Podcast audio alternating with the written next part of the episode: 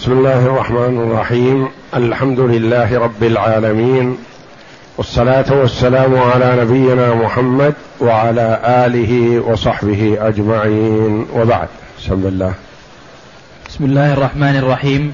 الحمد لله رب العالمين. والصلاة والسلام على أشرف الأنبياء والمرسلين نبينا محمد وعلى آله وصحبه أجمعين.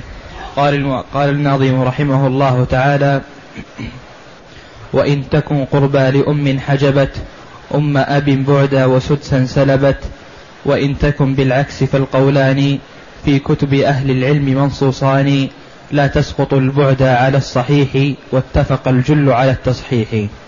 قول المؤلف رحمه الله تعالى وإن تكن قربى لأم حجبت أم أب بعدا وسدسا سلبت وإن تكن بالعكس فالقولان في كتب أهل العلم منصوصان. لا تسقط البعد على الصحيح واتفق الجل على التصحيح. هذا في الجدات. عرفنا فيما تقدم. أن الجدة من أصحاب السدس وأنها إن كانت واحدة أخذته وإن كانتا اثنتين اشتركنا فيه وإن كن ثلاث اشتركنا فيه وهذا أكبر عدد من الجدات يشتركن في السدس. وأنه قد تكون الجدة مدلية بقرابتين فترث ثلثي السدس والثالثة تأخذ الثلث الباقي. وأن الأصل في الجدة أنها مكان الأم. تأخذ السدس ومن شروط أخذها السدس عدم الأم لأن الأم تحجبها فإذا لم توجد أم فالسدس للجدة. وإن تساوى نسب الجدات يعني كنا في الإدلاء إلى الميت على حد سواء مستوين في الدرجة.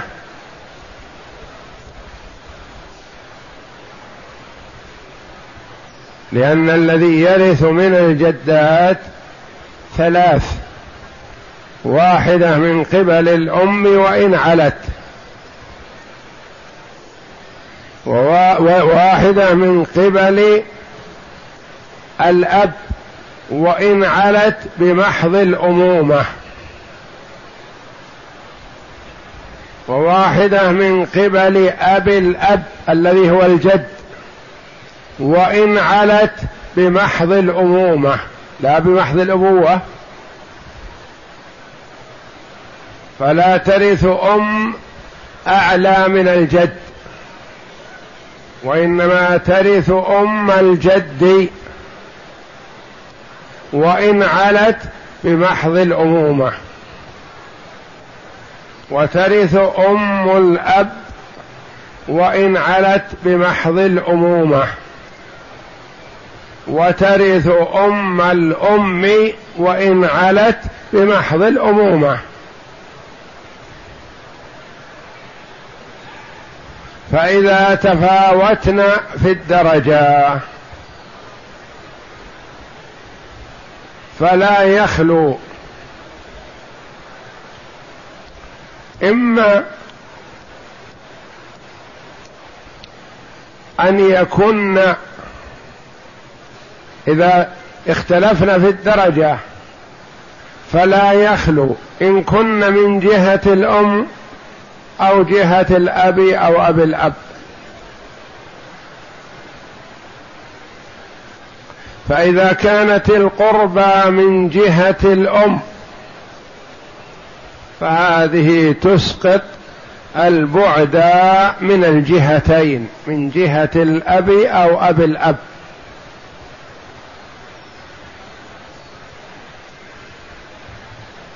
وإن كانت القربى من جهة الأب والبعد من جهة الجد فهذه تسقطها.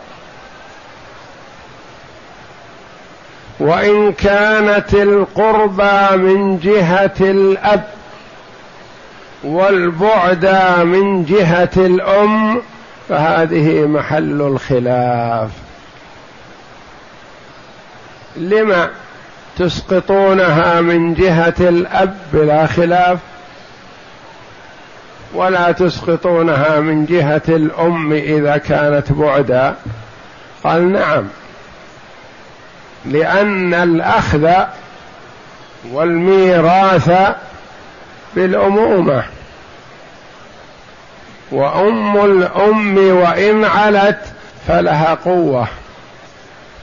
أنها هي الأصل صاحبة السدس. وأما أم الأب إذا علت وأم الجد إذا علت فهي أضعف. من جهة أضعف من أم الأم. فاجتمع لها الضعف واجتمع لها البعد فتحرم من الميراث حينئذ. وإن تساوى نسب الجدات. تساوى. أم أم أم. أم أم أب. أم أبي أب. يتساوين في الدرجة الثالثة. في الدرجة الثانية يكون اثنتين فقط. ما تجي أم الجد. عن أقرب ما يكون لها أم الجد في الدرجة الثالثة. فيتساوين الثلاث في الدرجة الثالثة. أم أم أم. أم أم أب. أم أبي أب. وكن كلهن وارثات. كلهن وارثات. أم أم أم أم أم أب أم أبي أب. كلهن وارثات. بخلاف أم أبي أم. هذه ثالثة مثلهم في الدرجة الثالثة. أم أبي أم. لكن هذه لا ترث. لأن ابنها الذي أدلت به ما يرث أبو الأم. فهي من باب أولى ألا ترث. فالسدس بينهن بالسوية. هذه إذا اشتركنا وتساوينا فإنهن يشتركن بالسدس على حد سواء. ما يقال أم الأم تعطى أكثر من أم الأب؟ لكن الكلام معنا الآن فيما إذا كانت إحداهن قربى والأخرى بعدا. أم أم أم. الثالثة. أم أم أم أب. فالرابعة أم أم أبي أب في الرابعة. ثلاث جدات واحدة في الدرجة الثالثة من جهة الأم والأخرى من جهة الأخريات من جهة الأب وأبي الأب في الدرجة الرابعة. هذا بالاتفاق. القربى تسقط البعد. لأن هذه اجتمع لها مقويان. كونها قربى للميت أقرب بدرجة. الثاني أنها جاءت من جهة الأم وهذه قوة. الجدة أصل ميراثها لكونها تحل محل الأم في المي... تأخذ السدس. وإن تكن قربى لأم حجبت أم أب بعدا وسدسا سلبت تأخذه.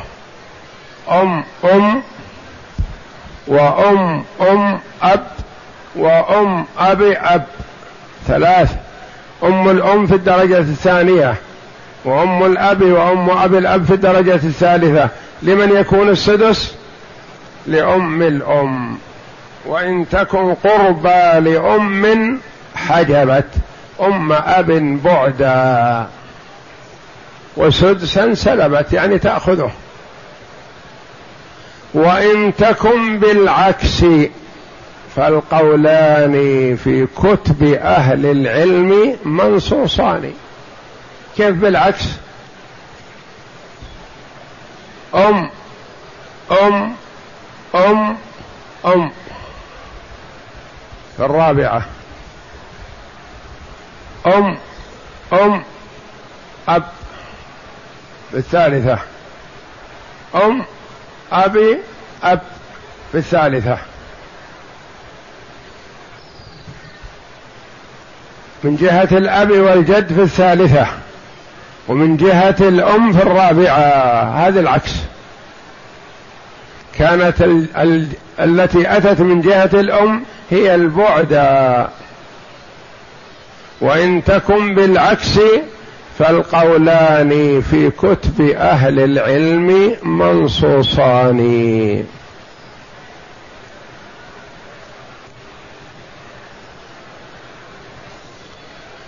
ففيها قولان. قول أنها لا تسقط البعد من جهة الأم بالقربى من جهة الأب. لأن لكل واحدة مقوي. التي من جهة الأب والجد قواها القرب. والتي من جهة الأم قواها الأمومة.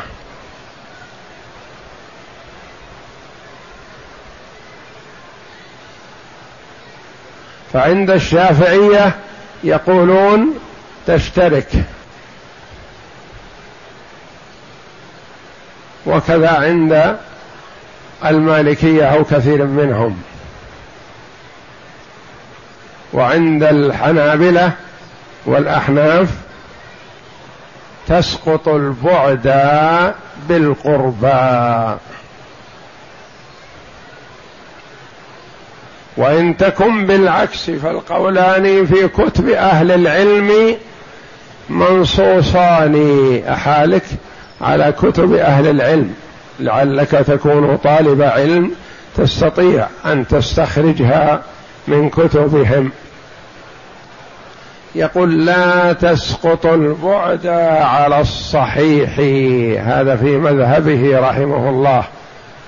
لأنه شافعي لا سيما وقد نحاه الشافعي.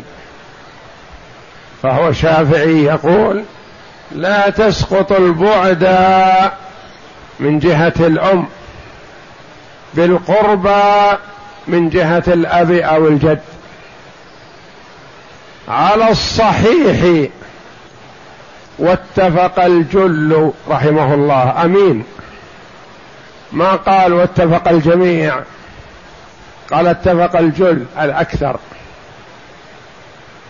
واتفق الجل على التصحيح على تصحيح هذا أنها لا تسقط. فعنده سار على مذهب إمامه رحمة الله على الجميع في أن القربى من جهة الأب والجد لا تسقط البعد من جهة الأم. وعند الحنابلة والأحناف القربى تسقط البعد من أي جهة لأنها ورثت بالأمومة. وما دام أنها وارثة فصرف النظر عن كونها من جهة الأب أو جهة الأم. لها جدة وتستحق السدس إذا انفردت وتشارك فيه إذا شورك إذا اشترك معها غيرها وتسقط من هو أعلى منها كما يسقط الولد الإبن ابن الإبن وكما يسقط الأخ ابن الأخ وكما يسقط الأب الجد وهكذا. فالأقرب يسقط الأبعد. وعند الشافعية والمالكية لا تسقط لكونها أدلت بالأمومة. والأصل في الميراث أنه لل للجدة التي أدلت بالأم وهي وإن كانت أعلى فمعها قوة.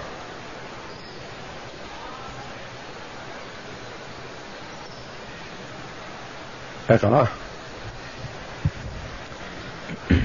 أقول إذا اختلف نسب الجدتين أو الجدات في الدرجة أو الجهة بأن كان بعضهن أقرب إلى الميت من بعض كما إذا كانت جدة قربى لأم وجدة بعدى لأب كأم الأم وأم أم الأب أو أم الجد فالقربى للأم كأم الأم وأم أم الأب وأم الجد. يعني مثل بحالات مثل بأم الأم درجتين وأم أم الأب وأم أب الأب ثلاث ثلاث. هذا تسقط البعد تسقط بالقربى لأن القربى جمعت بين القوة وبين القرابة. وإن تكن قربى لأم حجبت أم أب بعدا وسدسا سلبت يعني تأخذ السدس دون الأخرى. نعم. فالقربى للأم تحجب البعد عندنا قطعا وتأخذ السدس وحدها وهو المراد بقوله حجبت أم أب بعدا وسدسا سلبت بفتح السين المهملة بمعنى أخذت وإن تكن, وإن تكن المسألة بالعكس بأن كانت القربى من جهة الأب والبعد من جهة الأم كأم الأب وأم أم الأم ففيهما قولان منصوصان للشافعي. وقيل وجهان أصحهما لا تسقط البعد من جهة الأم بالقربى وفيهما قولان وقيل وجهان. القولان في المذهب مذهب الشافعي مذهب المالكي مذهب الحنبلي القولان يعني منسوبان للإمام رحمه الله. يقول يمر علينا كثير يقول فيه قولان يعني للإمام. ثم يأتي أحيانا يقول وفيه وجهان. الوجهان غير منسوبين إلى الإمام وإنما استنبطهما الأصحاب من تقريرات الإمام. يعني ما نص الإمام على الوجهين وإنما استنبطهما الآخذون عنه. فيقال وجهان قولان منسوبان للإمام الشافعي للإمام أحمد للإمام مالك للإمام أبي حنيفة. نعم. وقيل وجهان. وإن تكن المسألة بالعكس. وإن تكن المسألة بالعكس. بأن كانت القربى من جهة الأب والبعد من جهة الأم كأم الأب وأم أم الأم ففيهما قولان منصوصان للشافعي وقيل وجهان أصحهما لا تسقط البعد من جهة الأم بالقربى من جهة الأب بل يشتركان في السدس لأن أصالتهما تجبر بعدها بعدها لأن أصالتها التي هي من جهة الأم. لأن أصالتها تجبر بعدها لأن تجبر, تجبر. لأن لأن أصالتها تجبر بعدها لأن التي من قبل الأم هي الأصل وبه قطع المالكية. والقول يعني إذن القولان للشافعية والمالكية ومذهب الشافعية فيه قولان والمالكية هو الراجع عندهم أنها لا تسقط. نعم. والقول الثاني تسقط البعد من جهة الأم وبه قطع, وبه قطع الحنفية لبعدها. وكذلك الحنابلة. وقوله واتفق الجل على التصحيح هو بالجيم أي المعظم من أصحاب الشافعي اتفقوا على تصحيح القول الأول. على أنها لا تسقط على أنها لا تسقط البعد. لا تسقط البعد من جهة الأم بالقربى من جهة الأب.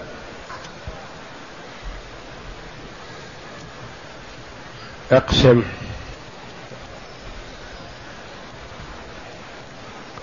هلك هالك عن أم أم وأم أم أب. وعم. أم أم. وأم أم أب. وعم. المسألة من ستة. لأم الأم السدس واحد والباقي للعم تعصيبا. وأم أم الأم أم الأب. تسقط لأنها بعدا وأم الأم قربا. فتسقط الأم الأم القربى أم أم الأب البعدا. هلك هالك عن أم أم وأم أب وأم أبي أب وعم. المسألة من ستة. لأم الأم وأم الأب السدس وأم الجد تسقط والباقي للعم. هلك هالك عن أم أم أم وأم أب. اقسمها على القول الراجح في مذهب المالكية. المسألة من ستة. لأم أم أم. وأم أم. وأم أم أم. وأم أب. المسألة من ستة. للجدتين السدس وإن اختلفا اختلفتا في الدرجة لأن البعد جاءت من جهة الأم والقربى جاءت من جهة الأب فاشتركتا في السدس. وهذا هو ما يقول عنه واتفق الجل على التصحيح. هلك هالك. عن أم أبي أب وأم أم أم أم أبي أب وأم أم أم ثلاث مرات. المسألة من ستة. للجدتين السدس تشتركان فيه لأنهما على درجة واحدة. والباقي للعاصب هلك هالك عن أم أم أم أم. وأم أبي أب يعني أم الجد. المسألة من ستة على مذهب الحنابلة. لأم الجد السدس وتسقط أم الأم البعدى.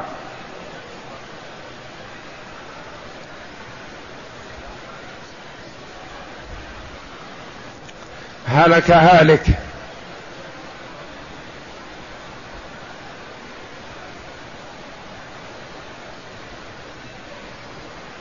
عن أربع جدات متساويات في الدرجة. وعم.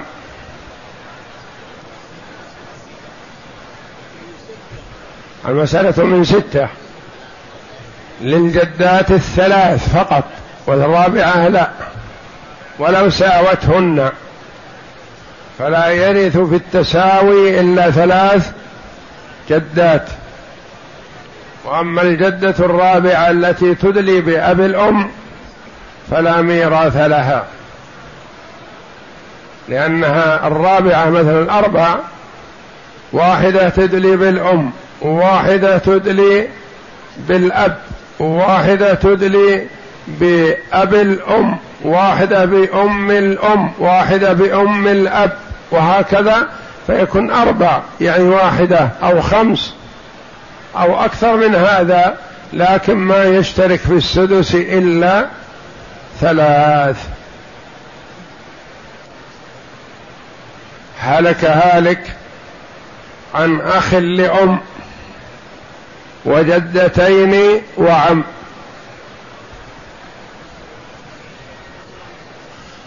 المسألة من ستة. للأخ لأم السدس واحد. وللجدتين متساويتين السدس واحد. والباقي للعم تعصيبا. هلك هالك عن جد وخمس جدات متساويات. وعم.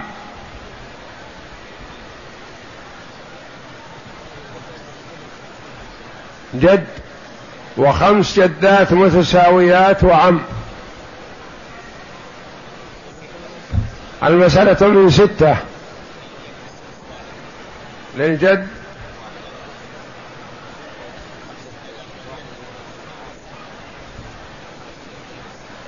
لا ما مطيعين تلزمهم ما تقدر. أنا أقول معك من ستة. نعم. ألحقوا الفرائض بأهلها فما بقي في أولى رجل ذكر للجدات الثلاث دون الاثنتين المتممات الخمس للجدات الثلاث سدس واحد والباقي للجد فقط دون أم ولا يفرض له في هذه الحال لأنه مثل الأب مع. مع إناث الولد يفرض له ويأخذ الباقي تعصيبا ومع عدم الولد يأخذه كله بدون أن يفرض له. مثل ما يقال مثلا هلك هالك عن جد يقال له المال كله ولا يقال من ستة يعطى السدس والباقي يأخذه تعصيبا لا. وإنما هلك هالك عن جد وبنت نعم يقال من ستة. للبنت النصف ثلاثة وللجد السدس واحد والباقي للجد تعصيبا فالجد والأب يفرض لهما مع ذكور الولد وإناثه.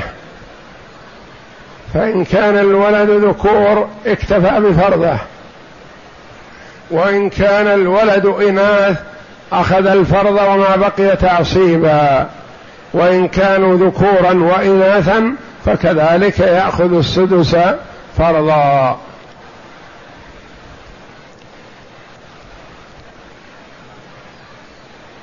هلك هالك عن جد وجده وأخ لأم. المسألة من ستة للجدة السدس واحد. نعم. عندك أخ لأم وعندك جد. اعدل بينهم واتق الله فيهم. شو يقول أربعة ماذا يقول؟ معجزة.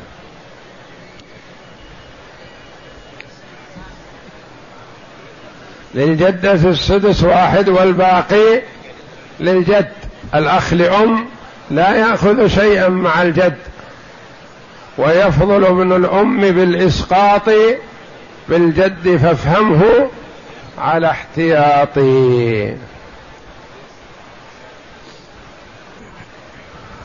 حرام على من لم يعرف باب الحجب أن يفتي في الفرائض. والله أعلم وصلى الله وسلم وبارك على عبده ورسول نبينا محمد وعلى آله وصحبه.